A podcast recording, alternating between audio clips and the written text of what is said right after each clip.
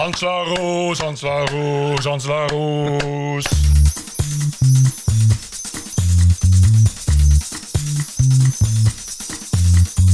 This is the TPO podcast. Ranting and Reason. With Bert Brusson and Roderick Phalo.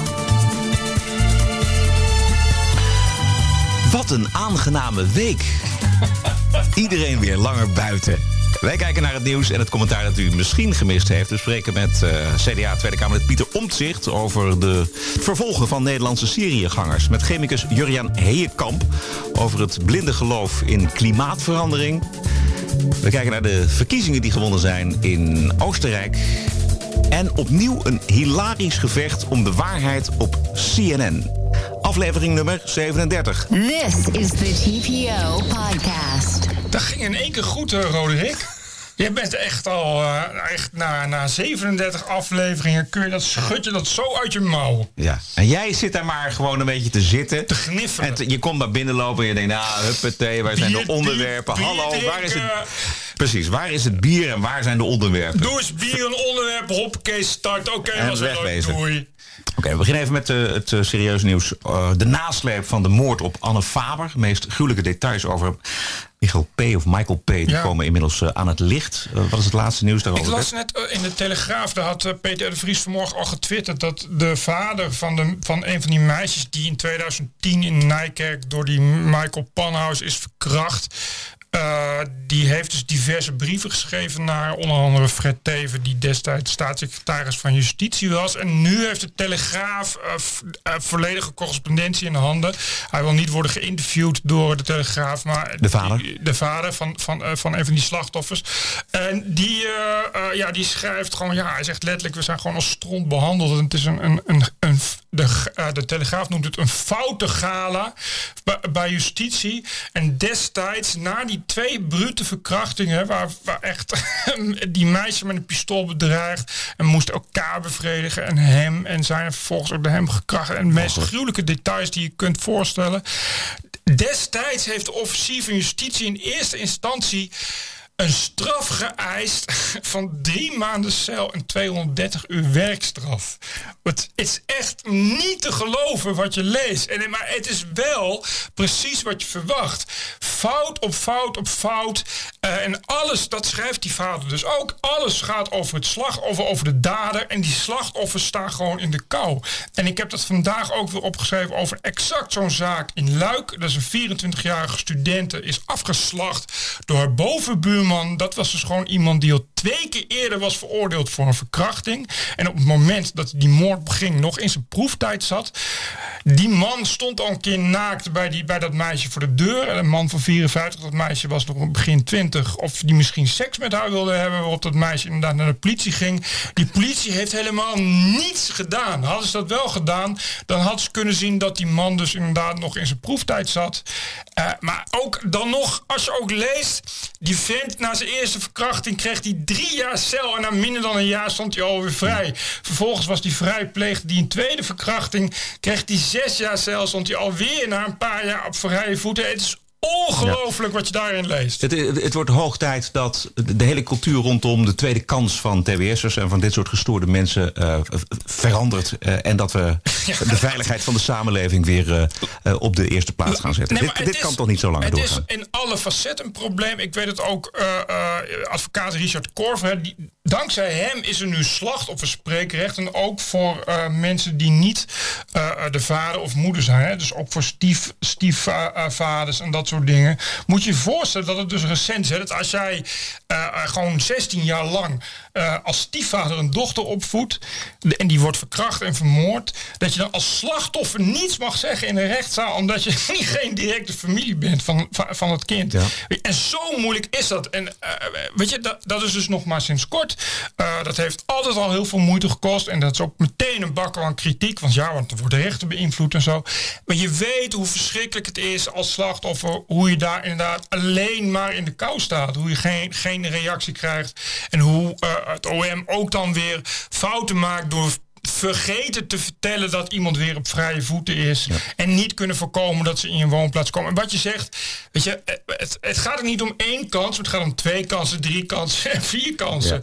En dan hebben we het niet, eh, hebben we het niet over het uh, niet betalen van je belasting of te hard rijden. Want daar krijg je meestal geen, überhaupt geen kans voor. Dan moet je meteen heel veel betalen.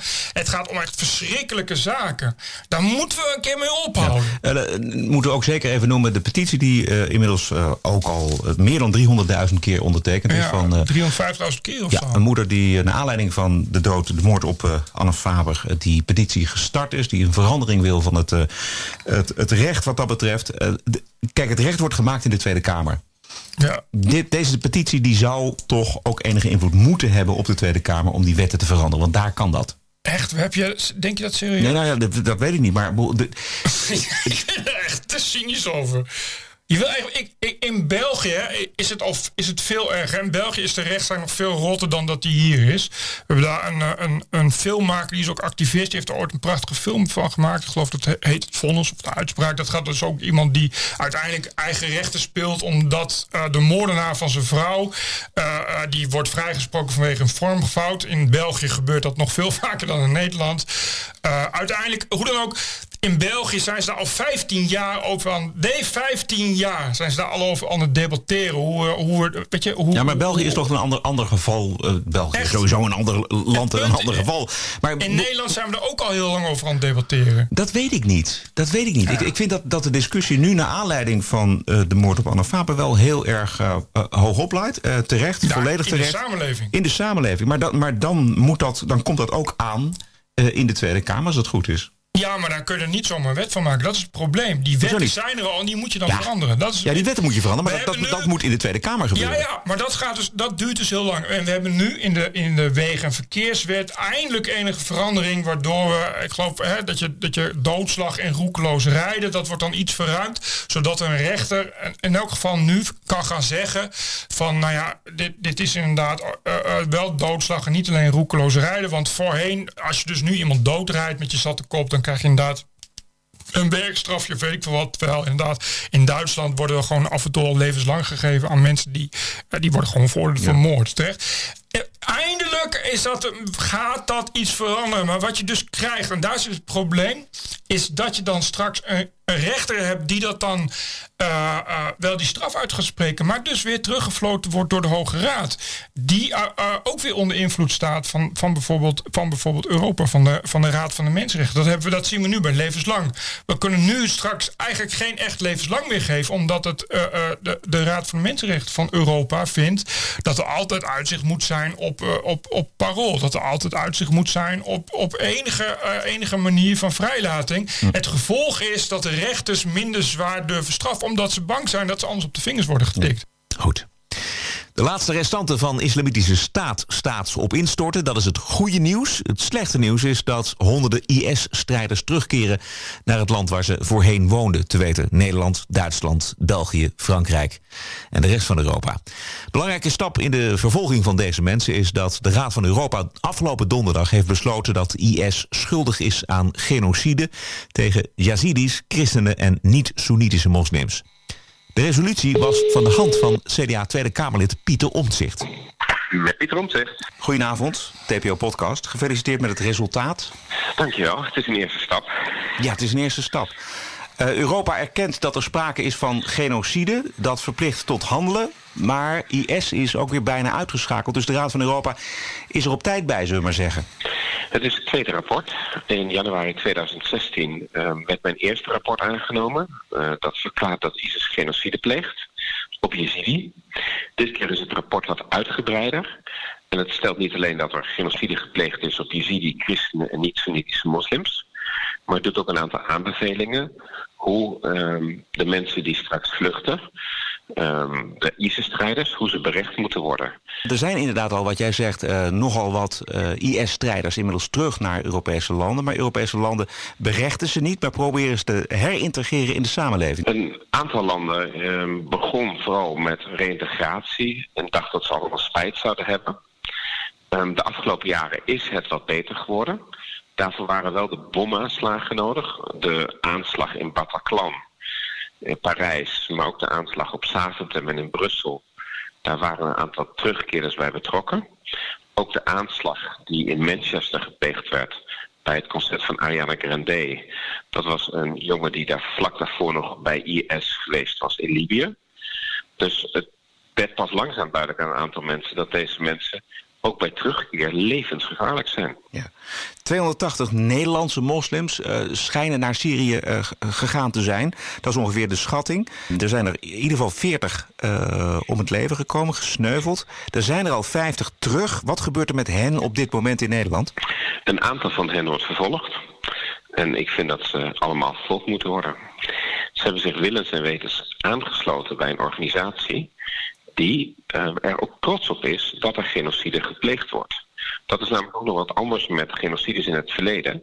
Daar werd het nog wel eens een beetje verborgen achter een rookgordijn. En, uh, maar IS publiceert filmpjes op het internet, publiceert haar eigen online magazine, Dabiq, waarin ze gewoon helder schrijft dat ze mensen vermoordt, waarom ze die vermoordt. Ze vindt namelijk dat, dat je bijvoorbeeld duivel aanbidders die gewoon mag vermoorden publiceert reizen van slaven, van christelijke en Jezidi-slaven, openbaar.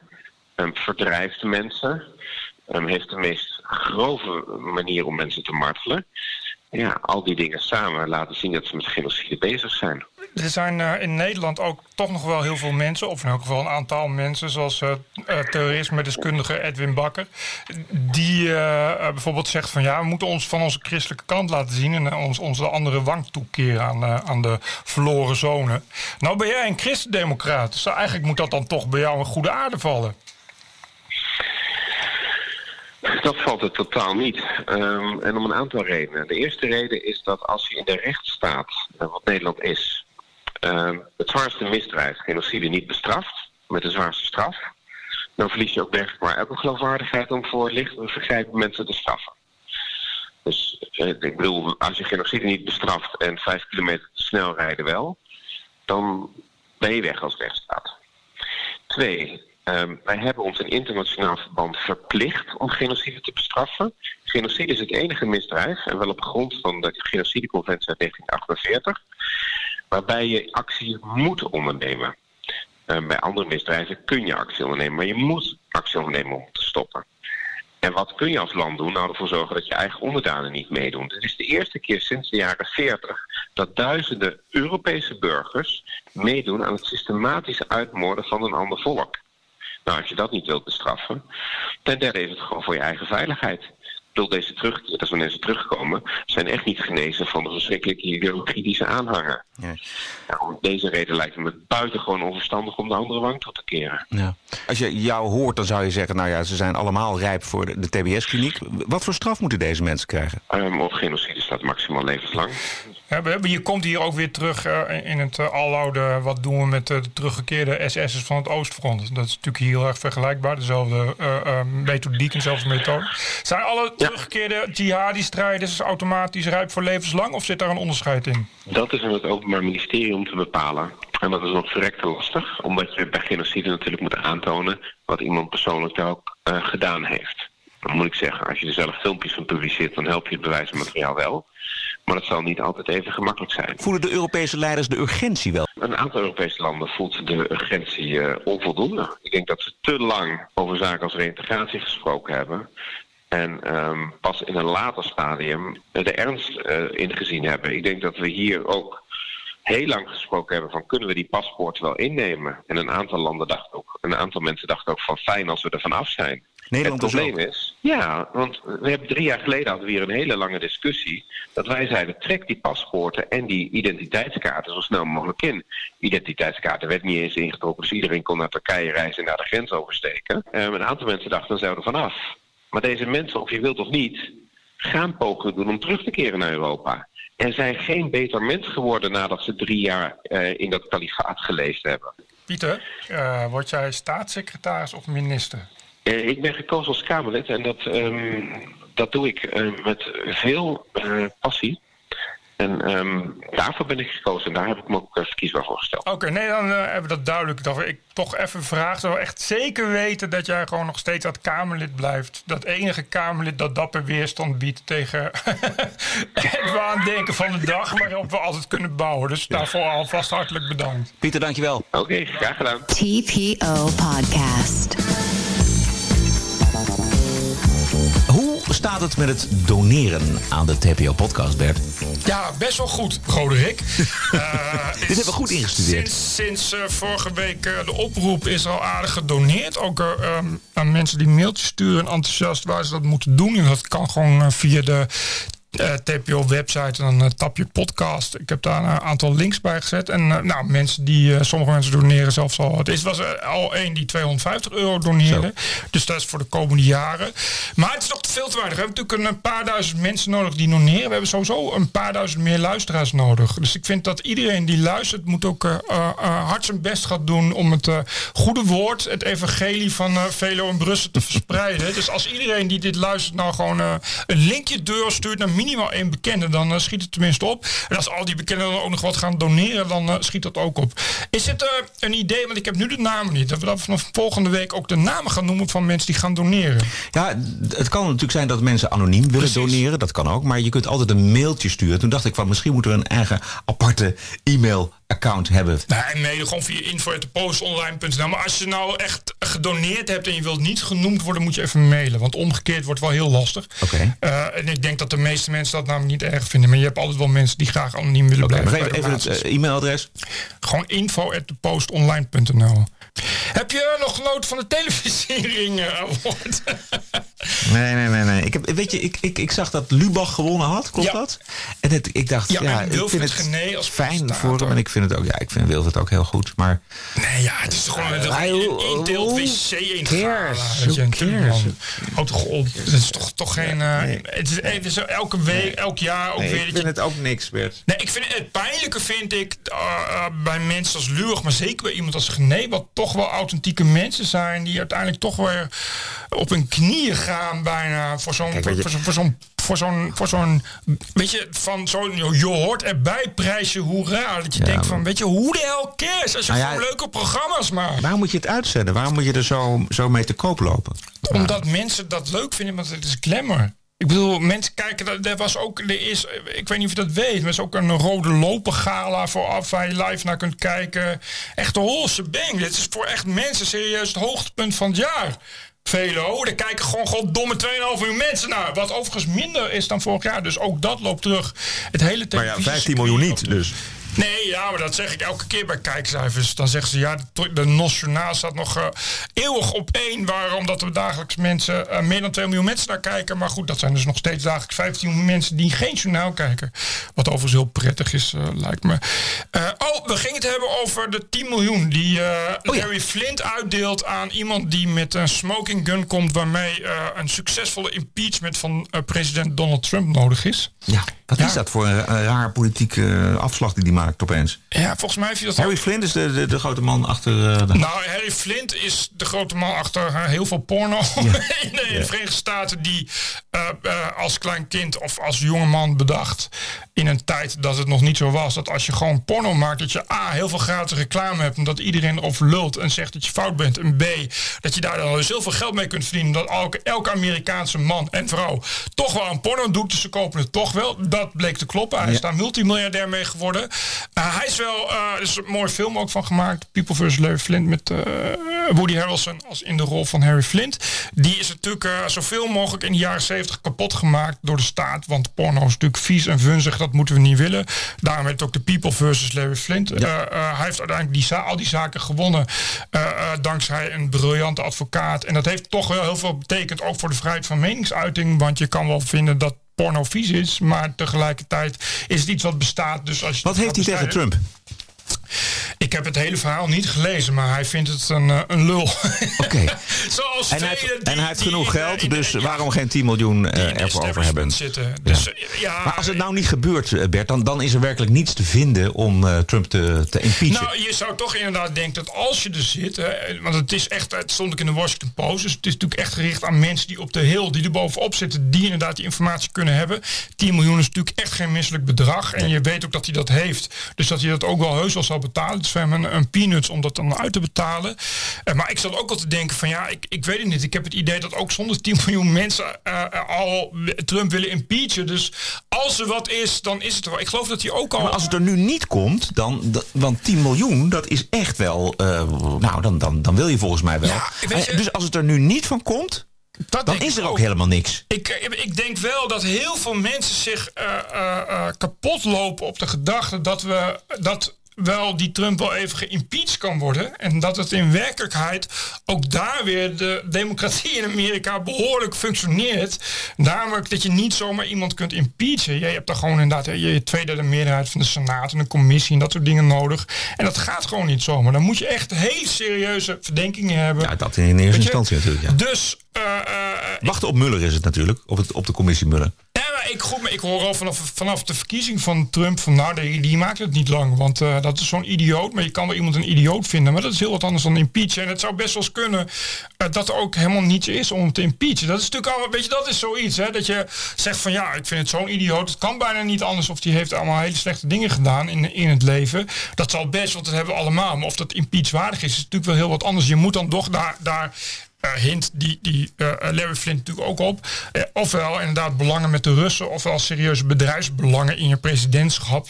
Ja, je kunt je afvragen of Trump inderdaad wel zo dom is. Ik denk zelf van niet. Ik denk dat Trump heel veel te verwijten valt. Maar Ja, dat zijn precies. allemaal eh, zaken die eh, niet belangrijk zijn voor eh, de democratie en voor, Ik zou, voor, het, voor het impeachen, voor het afzetten van, van Trump volgens mij. mijn mond zou wel openvallen als het, als het serieus echt belangenverstrengeling met de Russen zou zijn. Dat geloof ik niet. Ik denk wel gewoon dat het een integer Amerikaan is, eerlijk ik gezegd. Denk ik ook. Ja, ja sorry. Wij, Ja, misschien zijn wij de enige twee, Bert, die dat, die dat hardop durven Nou, in zeggen. Maar, Nederland wel. Wat hij over Noord-Korea zegt, bijvoorbeeld, denk dat hij dat op, wel oprecht meent ook. Ja. juist omdat je het zo op Twitter gooit, dan weet je, je weet wat de Nou ja, gevolgen zijn. Dan meen je dat ook wel. Je echt. moet natuurlijk een beetje bluffpoker spelen. Ja, nee, Al nou, was je het niet van plan om aan te vallen, dan moet je het wel zeggen dat je het zou kunnen overwegen. TPO Podcast. Het is een zwaar gevecht, maar er zijn gelukkig nog dapperen onder ons die de strijd aangaan tegen het evangelie van de klimaatverandering. Vorige week hadden we de oprichter van de Weather Channel, John Coleman, op CNN. Woensdag wordt vertoond in het Europees Parlement notabene de documentaire The Uncertainty Has Settled van Marijn Poels. Het is een documentaire die al op veel plekken is geweigerd omdat hij vraagtekens zet bij de algehele consensus over klimaatverandering. En wij praten met chemicus Jurjaan Heenkamp. Goedenavond. Goedenavond. Juriaan, de consensus is grofweg dat het klimaat verandert. De gemiddelde temperatuur op aarde stijgt. Dat is veroorzaakt door eh, de mens die al zo'n 250 jaar fossiele brandstoffen, kolen, olie, gas aan het opstoken is. CO2 is de grote boosdoener. Wat deugt er niet aan deze stelling? Eh, nou, vrijwel alles niet, eigenlijk. Om te beginnen eh, is het, eh, het kooldioxide wordt in een hoekje geplaatst waar het eigenlijk niet thuis hoort. Wat niemand, wat niemand eigenlijk nog weet is dat het een, een gas is wat, waar, waar planten van groeien, waar, waar mensen van afhankelijk zijn. Dus het stoken van kolen, olie en gas, dat is juist goed voor de natuur. Nou, als je het heel controversieel zou zeggen, zou ik zeggen van wel, ja. Ja, Eh, eh, Julian, mag ik vragen, ben jij, eh, jij bent chemicus, hè, begrijp ik, van beroep. ja begin. Dus je hebt, er gewoon, je hebt er gewoon serieus verstand van. Sowieso meer dan ik, kan ik je nu al, kan ik je nu al vertellen. Maar heb jij misschien ook een verborgen agenda dat je werkt voor de olieindustrie of iets dergelijks? Ik werk voor een chemisch bedrijf, dus Kijk. in zoverre... Er zijn ook voldoende mensen die, ik zeggen, die eh, aandelen hebben in de windmolenindustrie. En die mogen wel wat vertellen. Dus Ja, nee, precies. het probleem niet. Ja. precies. Ja. Maar De, de stelling dat CO2 slecht is voor de natuur en voor het klimaat... en dat het klimaat, eh, het klimaat warmer wordt, om het maar zo te zeggen. Eh, Jij zegt dat klopt niet? Ehm, nou, het is in elk geval eh, niet bewezen dat de mens zover meer invloed heeft dan de natuur zelf.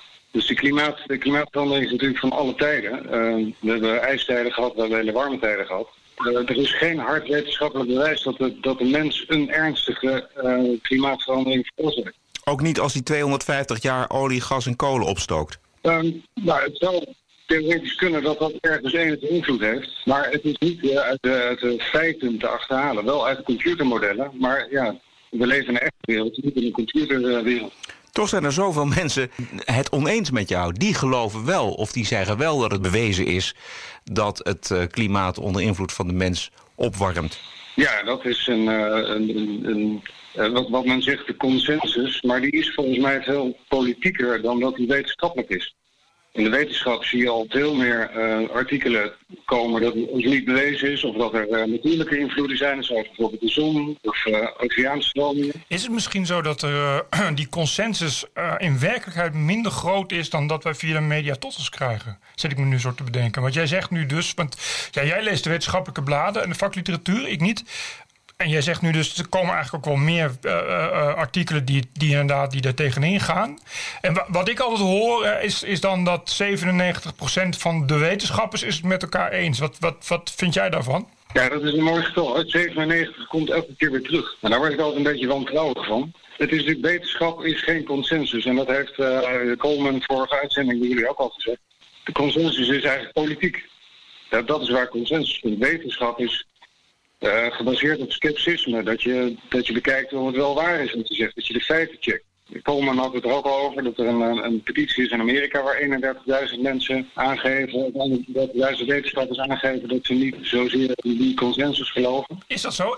Is die petitie er ook? Zijn er, zijn er inderdaad... Die is er, ja. Ja, je hebt hem, je hebt hem gezien, of je, je weet ervan, zou ik maar zeggen? Ja, Kun je, kun je hem ons doorsturen? Want dat, ik, ik bedoel, nee, maar ik vind het serieus interessant. Ik hoorde vorige week ook voor het eerst Ja. van, van die Coleman. En, en ik denk, ik, ik ben echt een leek hè, op dit gebied. Ik bedoel, ik, ik kan, eh, nee, ik ben geen chemicus, zou ik het zo zeggen. Dus ik, ik moet het maar. En ik denk dat dat voor heel veel mensen geldt in de wereld. Of in elk van de westerse wereld en in Nederland. We moeten het maar aannemen. En als we zeggen van ja, maar we twijfelen eraan, dan komen er allemaal moeilijke statistieken en beweringen die we toch niet kunnen controleren. Dus ik ben wel geïnteresseerd inderdaad in, in naar het tegendeel. En als er inderdaad een petitie is waar 31.000 31.000 hebben we het over wetenschappers of mensen met gezag dat tekenen, vind ik dat wel interessant op zijn minst.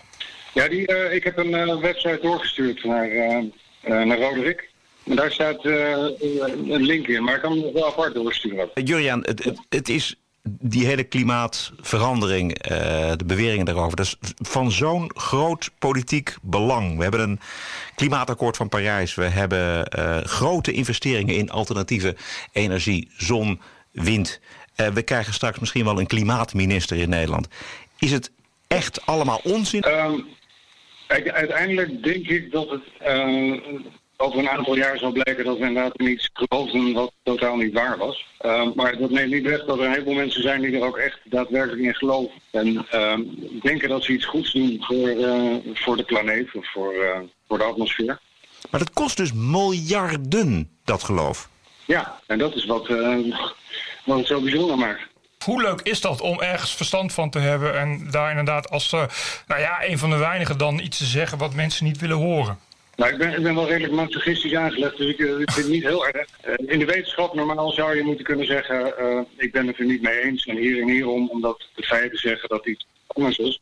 Maar in dit geval, op het moment dat je ook maar enige scepticisme aan de dag legt, of enige vragen stelt over die tegen word je bestempeld als een, een, een, een zeggen ze dan, of een, word je in een hoek gezet als een, als een scepticus.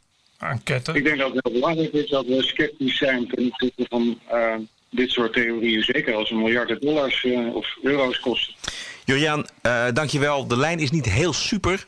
Oké, Bedankt hè. Dag. Succes met de uitzending. Ja, dankjewel. Dankjewel. Ik zie wel even een link. Hoi. Goed, tot slot de bonusquote van de republikeinse voorzitter van het bestuur van de partij, zullen we maar zeggen, Ronna Romney McDaniel. Mitt Romney is haar oom. Zij is op CNN en Wolf Blitzer van die zender. Die wil het verhaal van de Russen die via Facebook-advertenties Clinton van de overwinning in Michigan hebben afgehouden. Maar Ronna heeft gewoon haar eigen verhaal. Heel grappig, luister. in Michigan in the presidential election in 2016 to hurt Hillary Clinton's campaign, to create some chaos, and in the end, to help Donald Trump. The biggest damage done to Hillary Clinton's campaign was done by Hillary Clinton in Michigan. She didn't show up in our state. She ignored Michigan. She flew over uh, the issues that mattered to people in our state. She didn't talk about trade. She didn't talk about better wages. She didn't talk about Obamacare. And most importantly, she didn't show up. President Trump came to Michigan over and over again. His message resonated, and that's why he won this great state of Michigan. He barely won the great state of Michigan. And you're right, it, is a, it wasn't a by, by any means. But here's the question once again. The Russians were placing ads designed to impact Michigan voters. You're from Michigan. What's your reaction to the reports that they were using Facebook, other social media platforms to try to go after Michigan voters to hurt Hillary Clinton and help Donald Trump? What I'm saying is whatever they did in Michigan is not why Hillary Clinton lost Michigan. Hillary Clinton lost Michigan because she didn't come to our state, she didn't campaign here, and she didn't resonate with our voters. But do you President Trump won that the Michigan. Russians were the, the, I- I'm the not Russians privy to that. were targeting I- I- Michigan, I have no Wisconsin, knowledge of that. other key battleground state? You've I'm seen all the sitting- reports. Yeah, I haven't. I mean, I haven't seen the reports. I've seen the reporting. I didn't see that as Michigan chair. What I saw was a movement for President Trump. I saw people making their own signs. I saw people opening their own offices. I saw rallies with 30,000 people. I saw the president come to our state on election day and, and wake up on election day in Michigan because that's how much our state meant to him. President Trump won this state through a great message, being a good candidate, and showing up for the people of Michigan who had been ignored by so many presidential candidates before, including Hillary Clinton. Laatste gedeelte wat ze zegt. Hè, mensen die zelf offices openen en die campagnes. Het volk dat spreekt. Ja. Terwijl je hier weer de arrogante CNN-journalist die er gewoon doorheen balkt. Ja, precies. Het mooie van eh, dit fragment is dat je hoort hoe CNN in dat verhaal zit. Helemaal eraan vasthoudt Ja, ook. Hè. Er moet een verklaring gevochten worden voor eh, het verlies van, van, van Clinton. En ze gaan helemaal op die, eh, op die Facebook-advertenties van de Russen. En zij wilde niet aan, omdat zij een hele andere oorzaak ziet van het verlies van Clinton. En, en Blitzer, blijf maar, blijf maar, blijf maar. Ja, je ziet dan ook, de- dat is die, die rare arrogantie dan van nee, maar daar, daar wil ik het niet over hebben. Ja. Ik, wil, maar zij zegt iets, iets interessants. Want zij, hij zegt op een gegeven moment, you've, seen the, you've read the report. En dan zegt ze, I, I don't have read the report, I've seen the reporting. Ja. Dat vind ik heel interessant, want dat is dus waar. Dat is dus het punt. Eh, eh, eh, de media zeggen dus van ja, de Russen, daar zit de Russische overheid achter. Oké, en de, dat is het dus. Ja. En wat zij eigenlijk tegen hem zegt van... Goh, maar hoe, weet jij dat eigenlijk? Ja. Het is maar heel klein. Weet je, al is het zo dat, dat er advertenties zijn geplaatst... waarmee wat uh, überhaupt een absurd idee is... dat je via Facebook... Ik kan me niet voorstellen dat je daar- verkiezingen weet je, wint, ja. verkiezingen... eh, alsof mensen daar de anders... Maar goed, weet je, dat zij zeggen... Dat is, maar het is helemaal niet belangrijk, gast. Nee. Weet je, Clinton was daar dus niet. Zo, weet, je wat dat, weet je wat dat zegt voor die mensen die in, eh, Michigan, dat is de staat van Flint en zo. Dat is de She flew over. Ja, ook de flyover states vliegt ze ook echt over. Ze hebben het ook echt letterlijk geïnterpreteerd. Ah, Clinton, wat doen we met de flyover states? Nou, daar gaan we overheen vliegen. Ja. Hoezo? Ja. Weet je dat? En dan raar opkijken als je de staat verliest. Hé, nou, Zo. dat is weer leuk zeg. Dit was hem. De TPO-podcast nummer 37. Wij eh, zijn er volgende week weer natuurlijk, nummer 38. En mocht u nog willen doneren, dat kan natuurlijk eh, via de TPO-website. Ja, en als je, als je ideeën hebt, want ik, ik kreeg ik, eh, ook al mensen die gewoon zeggen ja, ik heb nog ideeën. Ook mensen die, die, die daar werken, weet je, in de, in de creatieve industrie of in de reclame. En die zeggen ik wil wel meedenken. Ja, graag. Zo, want kijk, ik vind wel, daar had ik het vorige keer ook met je over na de uitzending. Kijk, het is echt wel leuk om daar, om daar uiteindelijk iets van een soort van omroep van te maken. Dus je meer kan alleen podcast. Als je ideeën hebt hè, waarmee je kan helpen. Of als je zegt van je moet dit eens te sprake brengen. Of je moet die gasten spreken. Of je zou hier en hier eens aan moeten denken. Of, of ook. Alle suggesties zijn welkom. Suggesties zijn welkom. Het, het, het e-mailadres nog een keer, eh, Bert. Dat is info at thepostonline.nl Wij zijn er volgende week weer. U vindt ons iedere week eh, via iTunes of via Soundcloud en allerlei andere kanalen. Graag tot volgende week. Ja, je kan je abonneren via iTunes. Dat moest ik ook nog van iemand zeggen. TPO Podcast. Bert Bruson, Roderick Balo, Ranting and Reason. Dan heb je nog eh, veel negatieve reacties gekregen op je column van eh, donderdag. Vrijdag komt hij op de post online. Alleen maar positieve, Bert. Echt waar? Hoe kan dat? Ook niet eh, linkse journalisten, die, collega-journalisten. Jezus, Nee, dat is niet goed. Nee, dat is niet goed. Hij was wel echt keihard